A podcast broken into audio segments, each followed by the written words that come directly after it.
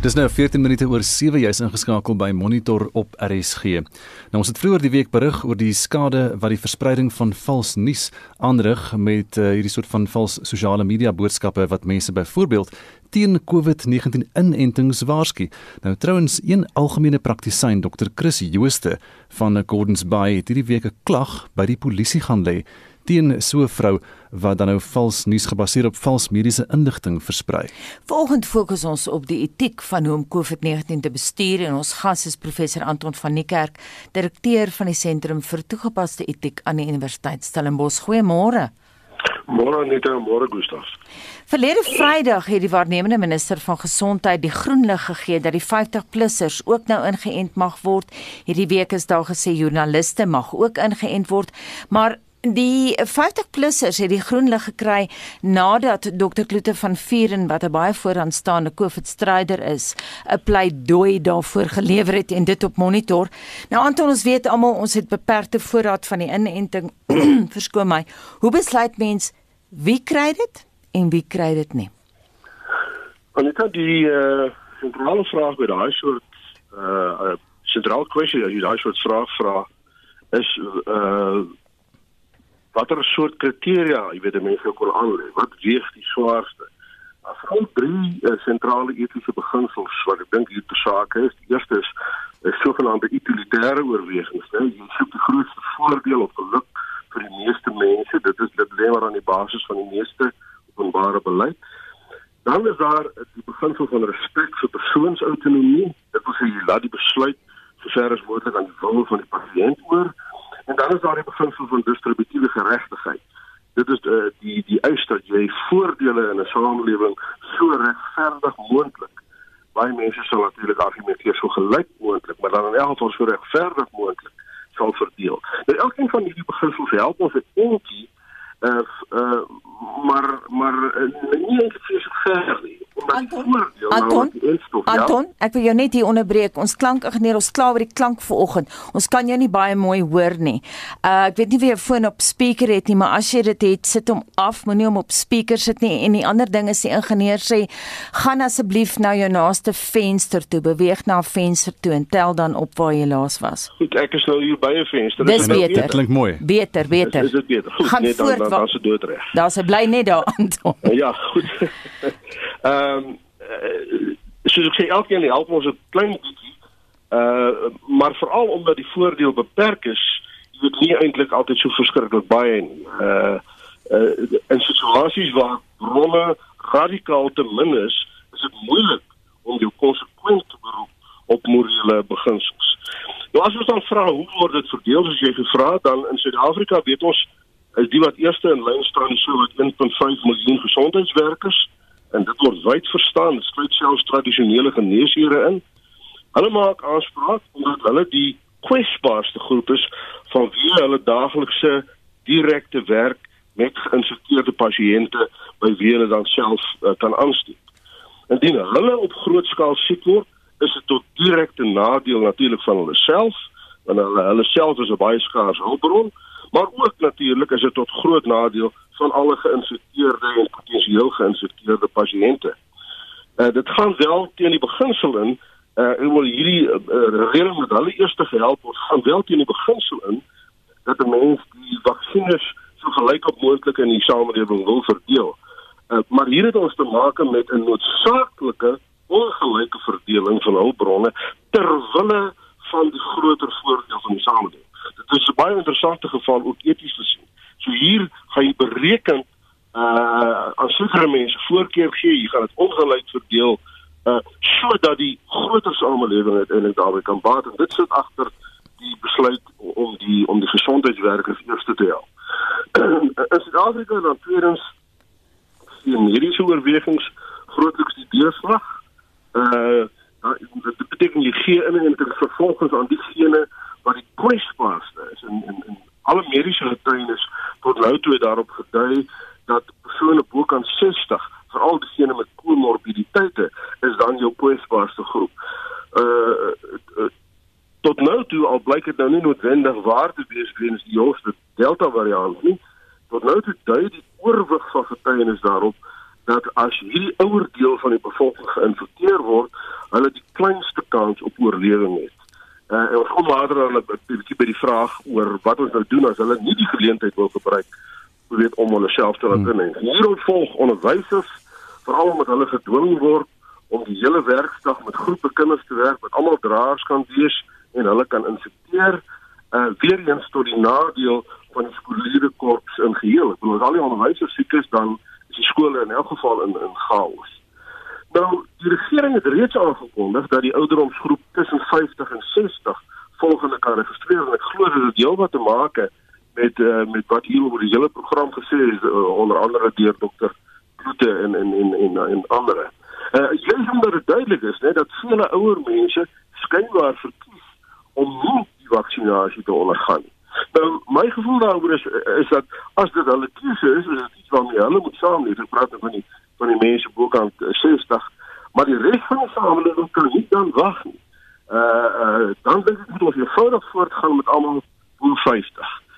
Uh hiervan is ook 'n uh, interessant genoeg vermenging plaas van ouderdomskriteria en frontlinie werkerskriteria. So jy aan die een kant kyk jy na ouderdom en aan die ander kant kyk jy nou na na die soort werk wat mense doen.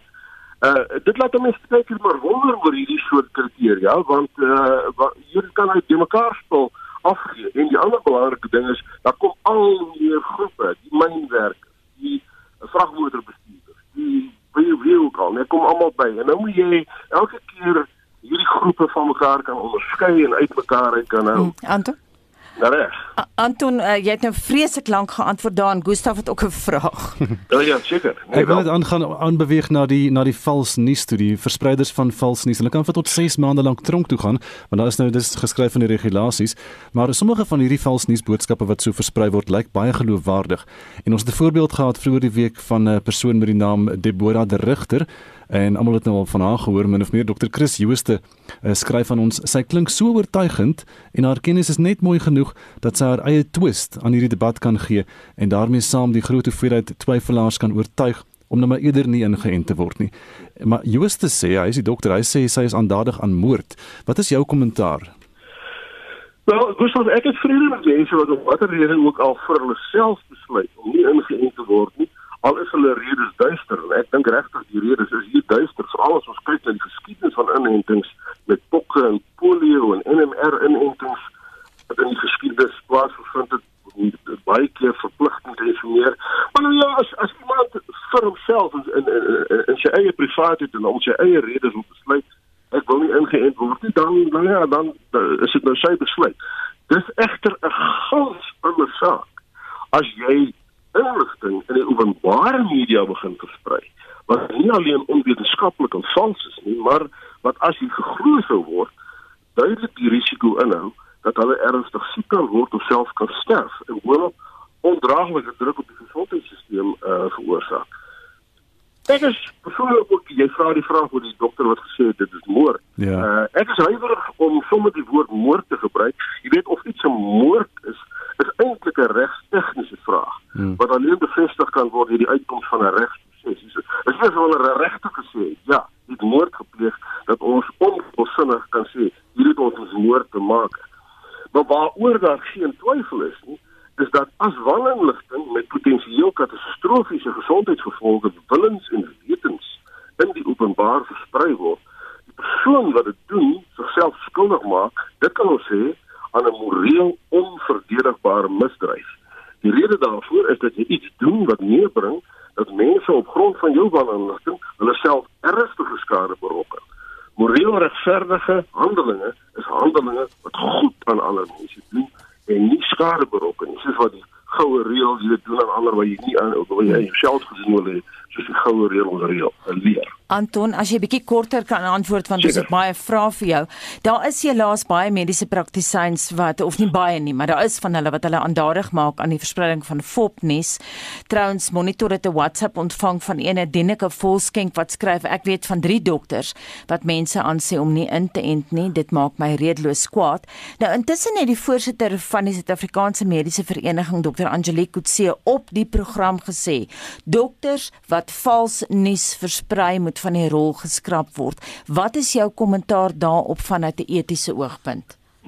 Nou uh, Anita, ek wil dien ek volkskennis se getuienis oor die dokters wat mense aanraai om nie in te ent nie, glad nie in twyfel trek nie, behalwe net om te sê dat as dit waar sou wees en as is geen rede om te dink dis nie waar nie, maar as dit waar sou wees, dan sou dit uiters onverantwoordelik van die betrokke dokters wees. Tensy daar natuurlik een of ander deurslaggewende mediese oorweging is, miskien allergie of iets. Ek is nou nie 'n dokter nie. Een of ander mediese rede is waarom 'n pasiënt nie ingeënt word nie maar ek dink dit was hier te sprake nie.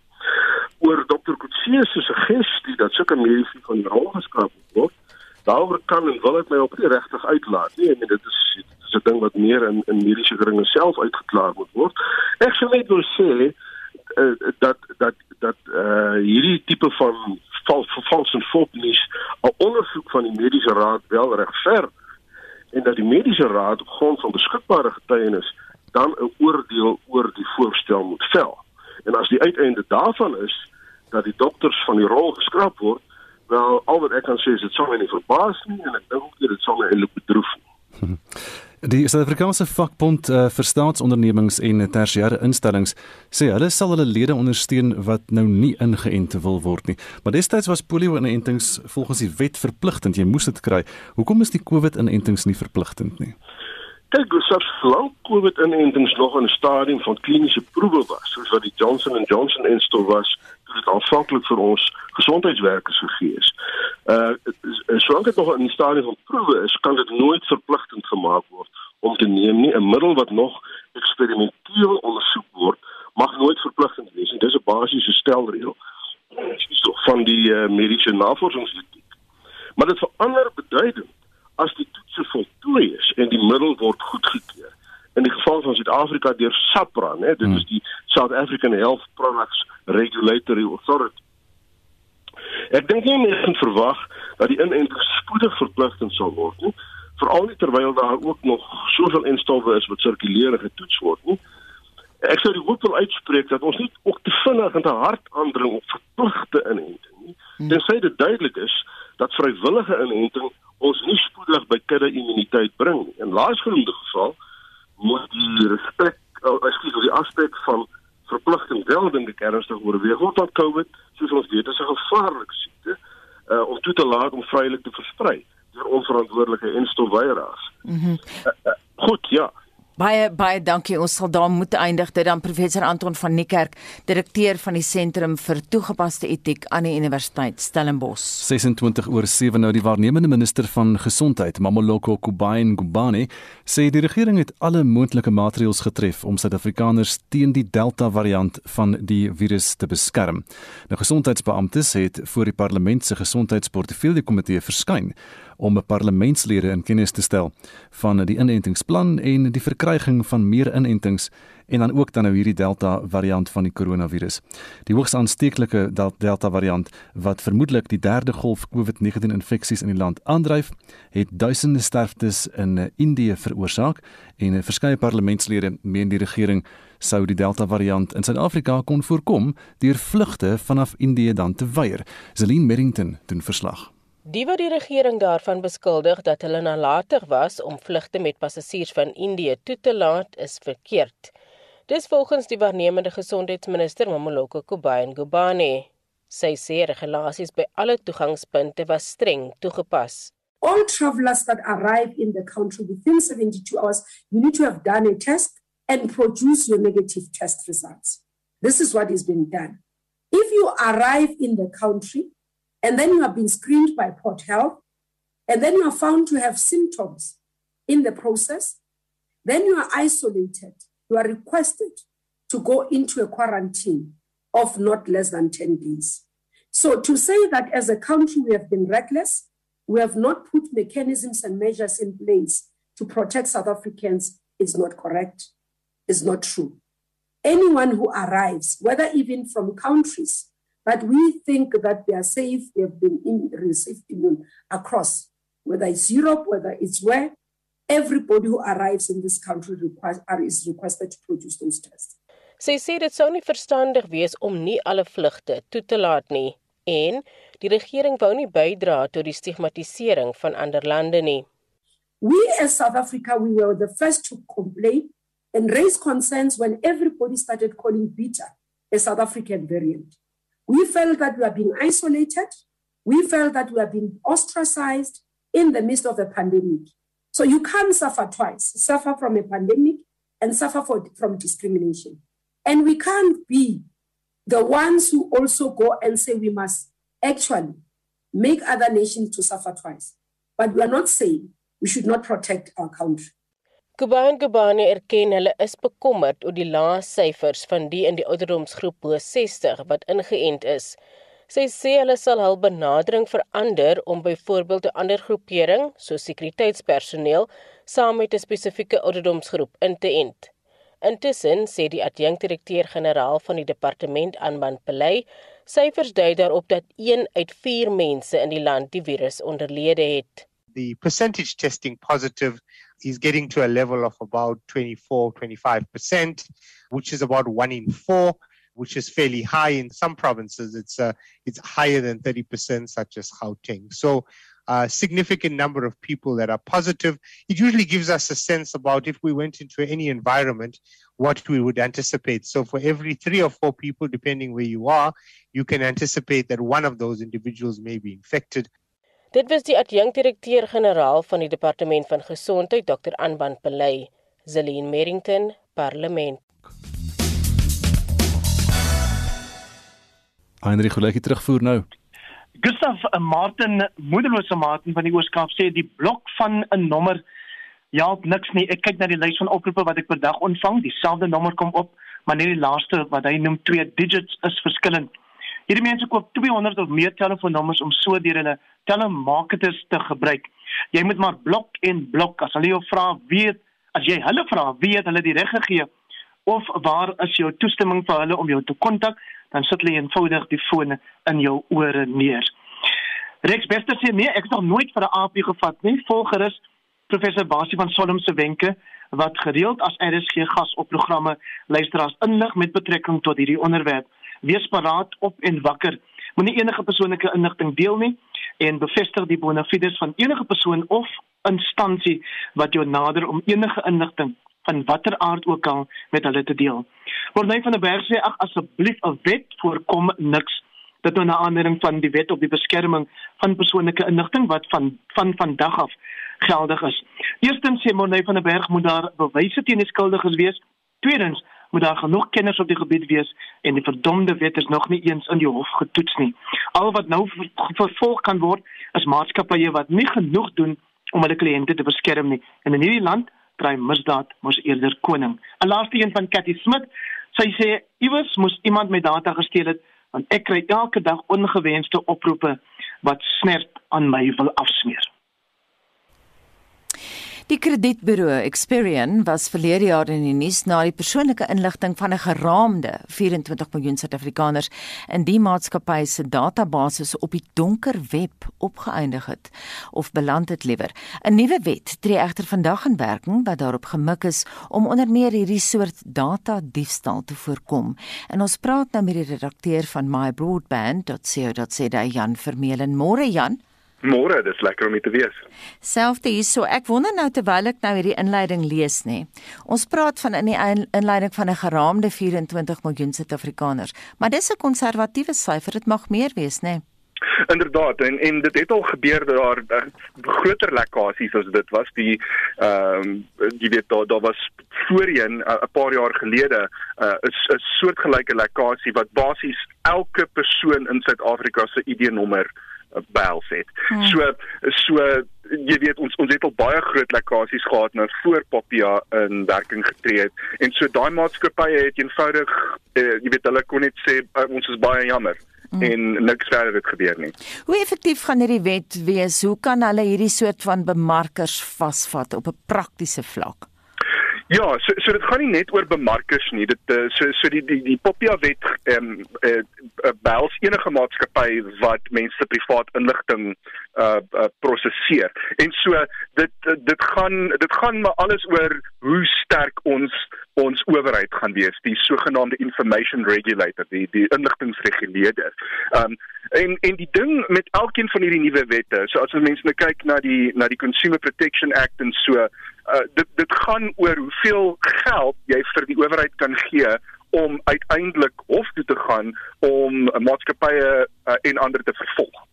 En daar is eenvoudig net nie verskriklik baie geld in die Suid-Afrikaanse fiskus om vir die maar op vir, vir die owerhede um, lekker tande te gee nie. Hmm. Maar uh, jy weet dit gesê, dit dit beteken nie hulle gaan heeltemal uh jy weet tandloos wees nie.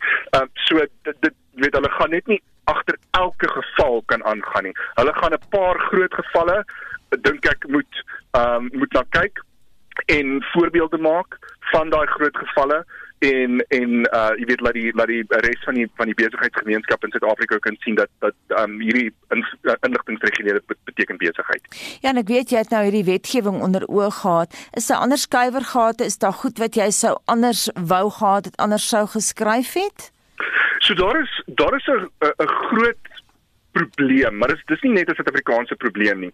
Die wat, wat mense dalk nie besef nie, is dat die die kredietburo's mag ehm um, uh, wettiglik jou jou persoonlike inligting uh, insamel en dit herverkoop aan aan wie ook al, en wie ook al hulle wil. Nou nou daar is ehm um, daar is nou nuwe uh, verantwoordelikhede op hulle geplaas met Papia om seker te maak dat wanneer hulle die data verkoop, dit nie aan iemand verkoop word wat ehm um, nie die die die vaardighede het om daardie data te beskerm nie. So hulle kan hulle kan uh, tot 'n mate verantwoordelik gehou word as daai data nou lek.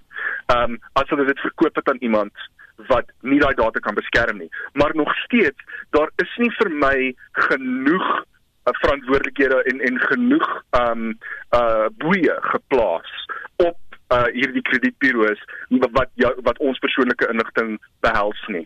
Um en maar dis 'n moeilike saak. Dit dis nie 'n ding wat 'n mens net sommer in 'n paar jaar uitsorteer nie, want aan die aan die, aan die ander kant van die nasionale kredietregulasies um, um sta, sta, sê basies dat banke en ander finansiële instansies moet ehm um, jou persoonlike inligting by die kredietburo's gaan kry om seker te maak dat jy uh om seker te maak dat hulle nie vir jou leen as jy dit nie kan terugbetaal nie.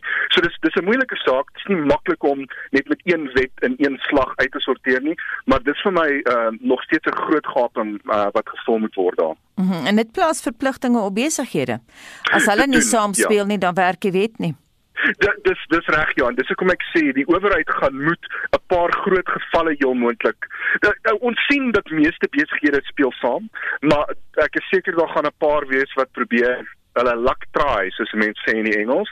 Um en die owerheid gaan voorbeelde moet maak uh van van 'n van 'n paar grootes om seker te maak dat besighede weet hulle hulle meen besigheid. Jan, wat van spam? Gemorspos. Ja, so dis 'n interessante een wat Popia doen. Um ons het nou oor die oor die laaste 10 jaar of so het ons verskeie stelle wetgewing gehad wat gemorspos op op 'n of ander manier probeer aanspreek. Nou wat Popia doen is dit verander ons regime hier in Suid-Afrika heeltemal om. In die verlede was dit dat jy spam gestuur kan word solank daar 'n skakel of iets is wat jy kan sê, okay, hou op om my spam te stuur.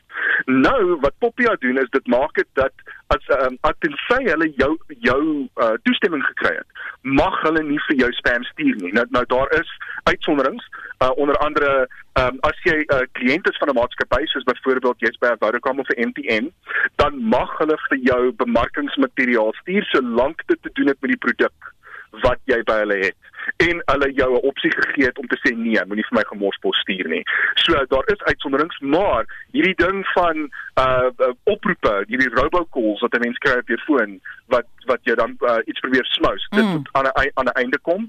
Um en ons sal sien uh hoe die hoe die owerheid daar ingryp want dit is moeilik vir die die gewone verbruiker om agter te kom wie is besig om vir jou daai gemorspos te stuur, maar um dit dit sal wonderlik wees as hulle as hulle kan ingryp daar en en natuurlik SMS'e, WhatsApps um en en ja, e-posse mm -hmm. wat wat van mense afkom wat nie jou toestemming gekry het om vir jou te stuur nie.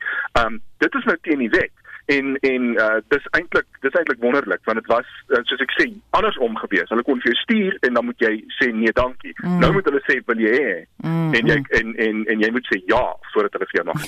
nou seker nie baie wat sal sê ja nie. Baie dankie Susie die redakteur van mybroadband.co.za Jan Vermeulen. Ek gaan nie ja sê nie. Dis 18 minute voor 8 by Monitor na die Wes-Kaapse Onderwysdepartement sê daar is maatreëls om te voorkom dat individue nie die stelsel misbruik tydens die toediening van entstowwe in die onderwyssektor nie. Die provinsiale minister van onderwys, Debbie Schiefer, sê die Johnson & Johnson inentingsproses het verlede week goed begin en ons praat vanoggend met haar. Debbie, goeiemôre. Goeiemôre. So wat is hierdie misbruik waarna jy verwys? Ehm um, dit is net belangrik dat mense wat nie eintlik kwalifiseer nie, ehm um, uh, gaan uh, die inspuiting kry want uh, daar was gevalle ehm um, met die gesondheidswerkers wat waar dit wel gebeur het en as gevolg daarvan kon ehm um, kon heel heel wat van die uh, eintlike gesondheidswerkers nie die inspuiting kry nie. So dis net uh, ons wil dit net vir verhoed. Maar jy sê jy het maatreëls in plek om te voorkom dat dit nou nie gebeur nie. Watter soort van maatreëls is dit? Ehm um, ons het eh, 'n uh, vorm vir die uh, skole gestuur en hulle moet sertifiseer dat die mense wat wel by die by die plek ehm um, aankom vir die inspuiting ehm um, wel kwalifiseer. So ons het dit uh, met die vir die skoolhoofde gegee en hulle moet verantwoordelikheid neem daarvoor.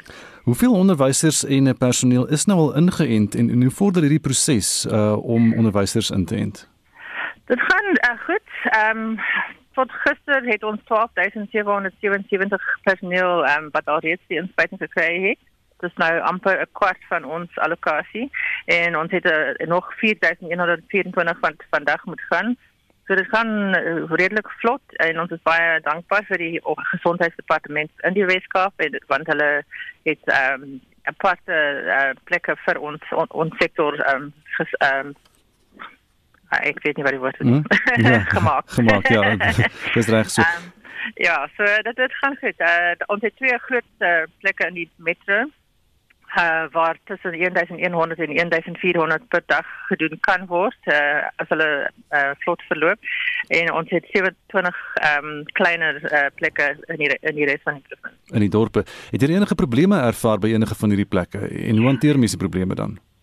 Ehm um, ons het uh, mense wat wel ehm um, opgedaag het wat nie kwalifiseer nie, so hmm. hulle hulle moes weggestuur word ongelukkig. Ehm um, en uh, daar was ook mense wat opgedaag het op 'n dag waar hulle nie geskeduleer was nie. Hulle moet gaan ehm um, op die dag wanneer hulle hulle geskeduleer is. So ehm um, die as uh, die ehm um, weer is ook 'n bietjie mm. moeilik in die Kaap uh, hierdie week is baie koud en baie reënerig. So dis ook 'n bietjie van 'n probleem want mense wil natuurlik nie uh, net saam wees en hulle moet nie um, as gevolg van die distansiering uh, wat hulle moet doen. Ehm um, en daar was bietjie van 'n probleem om die uh, data van die onafhanklike skole te kry want hulle was net uh, na, hulle was nie in die oorspronklike uh, kategorie wat uh, wat deur die basiese onderwysdepartement geïdentifiseer was. So dit is bietjie tyd geneem, maar dit is nou gedoen. Debbie, is daar baie onderwysers of personeel mense daar in jou departement wat gekant is daarteen wat nie die inenting wil hê nie? Daar is van hulle ehm um, wat wat dit nie wil doen nie. Ehm um, want dit is nie dit, ons kan nie hulle moet doen. So hmm. maar die oorweldigende ehm um, die meerderheid is positief hmm, ja. ja. Hoe sal die die leerplan die kurrikulum eh, vir leerders aangepas word nou? Ons moet sien want ons weet nie eh, natuurlik met hierdie virus uh, gaan dit wel net die vir die 19de Julie wees of wat ook al. So ons moet sien wat hoe lank die die skole wel gesluit gaan word. Ons hoop natuurlik dat dit uh, soos uh, beplan is gaan verloop, maar uh, ons sal moet sien wat presies hoeveel weke ehm um, wel verloor is. Maar ons is baie bly dat die winterskoolprogramme nog steeds by skole kan uh, aanhou met vir die matrieks um, taal. Debbie Bey, dankie. Dit was dan Debbie Schiefer en sy is die provinsiale minister van onderwys in die Wes-Kaap. Vir wêreldnuus gebeure sluit Essie de Klerk nou by ons aan en ons begin in China waar die president van die land Xi Jinping tydens 'n toespraak ter viering van die 100ste herdenking van die stigting van die kommunistiese party gesê het China onderdruk nie ander lande nie en ST het vir ons die agtergrond daar ST. Ja, Anita het ook gewaarsku dat niemand China moet onderdruk nie en hy het gesê die kommunistiese party het die toekoms van die Chinese getransformeer. Die skare van sowat 70000 mense het gejuig terwyl sy toespraak en talle van hulle het nie maskers gedra nie en China beskuldig die FSA daarvan dat hy sy groei in die wiele probeer ry. 同时中国人民 At the same time, the Chinese people will never allow any foreign forces to bully, oppress, or enslave us. Anyone who dares to try to do that will have their heads bashed blooded against the Great Wall of Steel, forged by over 1.4 billion Chinese people. Die BBC se Robin Brand berig uit Shanghai wat hierdie woorde van president Xi Jinping beteken. It was in this city, Shanghai, 100 years ago, that the communists had their first uh, Congress, their first meeting. They came to power in 1949 and they've been in power since. That speech was partly about marking the moment. It shows you an emboldened man, an emboldened leader in Xi Jinping. Uh, he saved his most I suppose, bullish or most aggressive words for foreigners looking on, and you heard it there heads bashed bloody against a great wall of steel. Now, he didn't name Joe Biden, he didn't name the United States, he didn't name the growing alliance of nations in this part of the world who want to push back against China, but that was whom uh, that message uh, was sent to. And Xi Jinping is now ruling a country that, of course, is the second biggest economy on the world, in the world, uh, rather. He feels emboldened by how this country has dealt with the pandemic. En dit was die BBC se Robin Brand uh, wat berig het uit Shanghai. En dan uh, gaan ons na ons verskuif fokus na die FSA waar die 83-jarige Amerikaanse akteur en komediant Bill Cosby nou uit die tronk vrygelaat is nadat sy skuldigbevindings aan seksuele aanranding omgekeer is deur 'n Hooggeregshof in Pennsylvania. Ja, en die regters in die saak het bevind dat die saak nooit eens verhoor moes geword het nie nadat 'n ooreenkoms glo voor die verhoor met die staatsaanklaer bereik is dat Cosby nie aangekla sou word nie. En regters het erken dat hulle uitspraak ongewoon was. Cosby het reeds meer as 2 jaar van sy 3 tot 10 jaar vonnis uitgedien in 'n tronk naby Philadelphia. Hy is in 2018 skuldig bevind op aanklagte dat hy die voormalige basketbalspeler Andrea Constant glo bedwelm en gemolesteer het. Cosby se woordvoerder en Andrew Wyatt beskryf hier wat Cosby se eerste reaksie was toe hy gehoor het hy word vrygelaat. He just said his heart was racing. He couldn't believe it. He said they was ringing his cell. They was just knocking on the walls, the inmates. And he said, they said, look, you're free. Get up. Get up. Die BBC se Michelle Flurry lees hier 'n verklaring van die regsverteenwoordiger Gloria Elred wat toe sy na ander vroue wat Cosby van seksuele aanranding beskuldig het, verteenwoordig het in ander aanklagte, vroue wat ook teen Cosby in strafregtelike sake getuig het.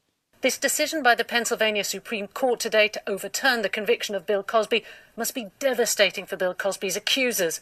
My heart especially goes out to those who bravely testified in both of his criminal cases. Cosby mag nie op dieselfde aanklag weer aangekla of verhoor word nie. En nou is die beweging ons na die Europese Unie waar 'n COVID-en-stof sertifikaat uitgereik word om reis in daardie lande te vergemaklik. Ja, en die dokument toon aan of die persoon onlangs ingeënt is, van die virus herstel het of onlangs negatief getoets het. En die sertifikaat is geskep om weg te doen met kwarantainreëlings tussen die onderskeie 27 lande van die EU. En die sertifikaat is digitaal en kan op 'n mens se foon afgelaai word. En dit word uitgereik deur nasionale owerhede in Europa en veral die reisbedryf hoop dat dit mettertyd deur ander lande uitgereik sal word. In Oostenryk nou moet toeriste ook by hotelle bewys lewer of hulle ingeënt is van die virus herstel het of negatief getoets het. En die algemene bestuurder van die hotel Wandi in Wene, Norbert Sushanek, sê die sertifikaat ver, vergemaklik sake aansienlik. But the, the advantage is that you don't need to speak every language and you can check even the Greek pass whether it's okay or not. I wouldn't even understand the Greek letters. So in that case, it's very good and it's quite simple.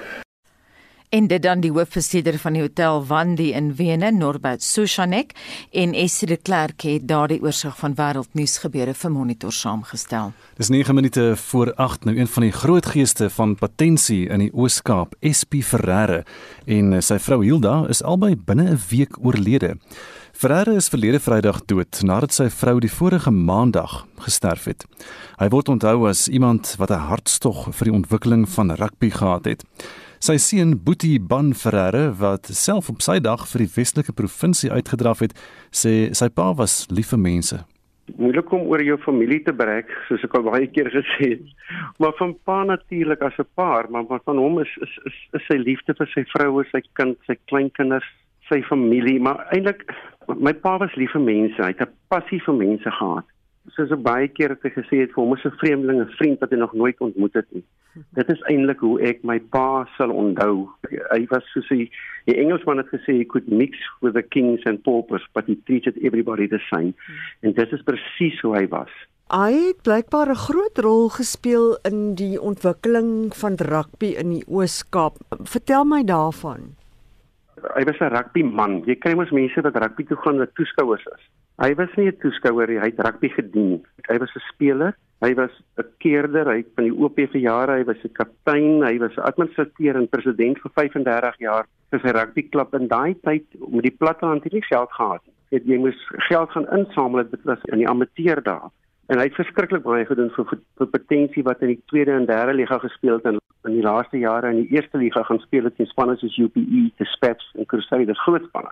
Wat vir hom verskriklik lekker was, maar die goed wat vir my uitstaan oor hom en hoe hy dit reg gekry het, is eintlik drieledig. Hy het byvoorbeeld die span van Uruguay wat in die Andesgebergte geval het in 19 1972, as jy kan onthou, die vliegtuig het weggeraak en die Andes met 'n rugby span van Old Christian Club, mm. waar die spelers mekaar moes eet om in die lewe te bly op die ou end. Mm het hy in 1981 uitgebring potensie toe en dit was 'n ongelooflike sukses en hoe die mense dit ondersteun het om geld in te samel op vir die klub om iets anders te doen. Toe het die tweede keer dat hy gegaan en hy die SA Barbarians wat 'n offisiële span is wat deur die SA Keders gekies word, het dit 'n potensie uitnodigingsspan laat speel die op potensie. Natuurlik die hele Port Elizabeth en Humansdorp en potensie was almal hier so 'n paar duisend mense die om die veld en die potensie uitnodigingsspan het gewen. So dit was nou vir hom goed wat nou verskriklik lekker was. En die laaste ding wat ek dink het vir my die meeste uitstaan is dat Kruiven hom gevra om in die apartheidsjare, jy moet wit en swart versoen. Ons moet laat rugby die wit en swart mense bymekaar bring. En hier was 'n wit klub en 'n swart klub in die woonbuurt en my pa het suksesvol reg gekry die twee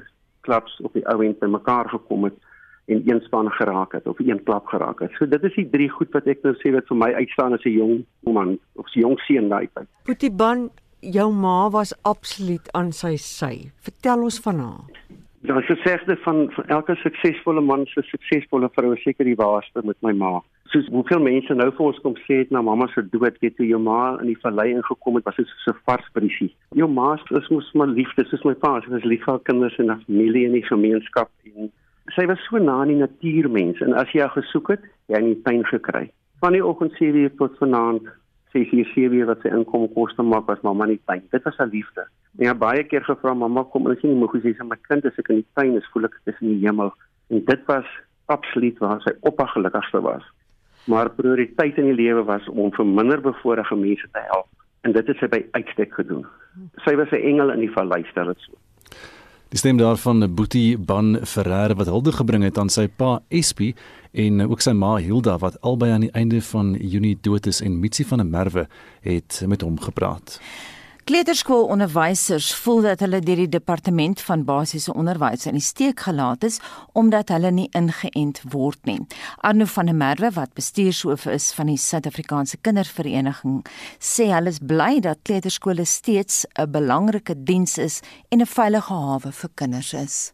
Die departement van samewerkende regering het op die 27ste Junie staatskoerant gepubliseer wat punt 184 sê vroeë kinderontwikkelingssentrums hoef nie gesluit te word nie. Dit is vir ons verblydende nuus en kleuterskole blykbaar word gesien dan as 'n essensiële diens wat ons mee saamstem. Ons het 'n opname gemaak in ons sektor om te kyk wat die risiko is van personeellede en kinders by kleuterskole.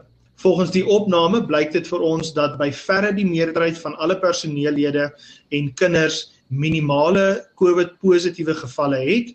Dit blyk vir ons uit hierdie data dat jou vroeë kinderontwikkelingssentrums 'n veilige hawe vir kinders is op hierdie stadium. Nou Arno, daar is ook 'n veldtog vir inentings vir onderwysers by kleuterskole. Wat is jou kommentaar daaroor? Omdat onderwysers van die vroeë kinderontwikkelingssentrums onder die departement maatskaplike ontwikkeling val, is daar geen prioriteitsbeleid tans op hierdie oomblik vir diegene wat wel die inenting wil ontvang nie.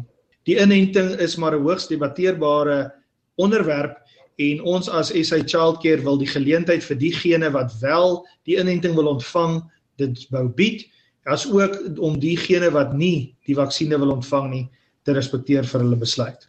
Watter kommer het julle vir die naby toekoms en hoe moet dit benader of opgelos word? Op kort termyn gaan kleuterskole moet fokus om 'n veilige, gesonde omgewing vir kinders te skep, asook om die voortbestaan van die skool te verseker. Hoe ons dit gaan doen is om seker te maak dat alle veiligheidsmaatreëls wel toegepas word en dat indien 'n COVID-positiewe geval in die skool aangemeld word, dat dit teen die regte protokol hanteer sal word. Daarby sal ons verseker dat die kinders veilig is en dat die skole sal voortbestaan omdat dit 'n essensiële diens lewer wat van kardinale belang is vir die toekoms van ons kinders as ook vir die toekoms van ons land.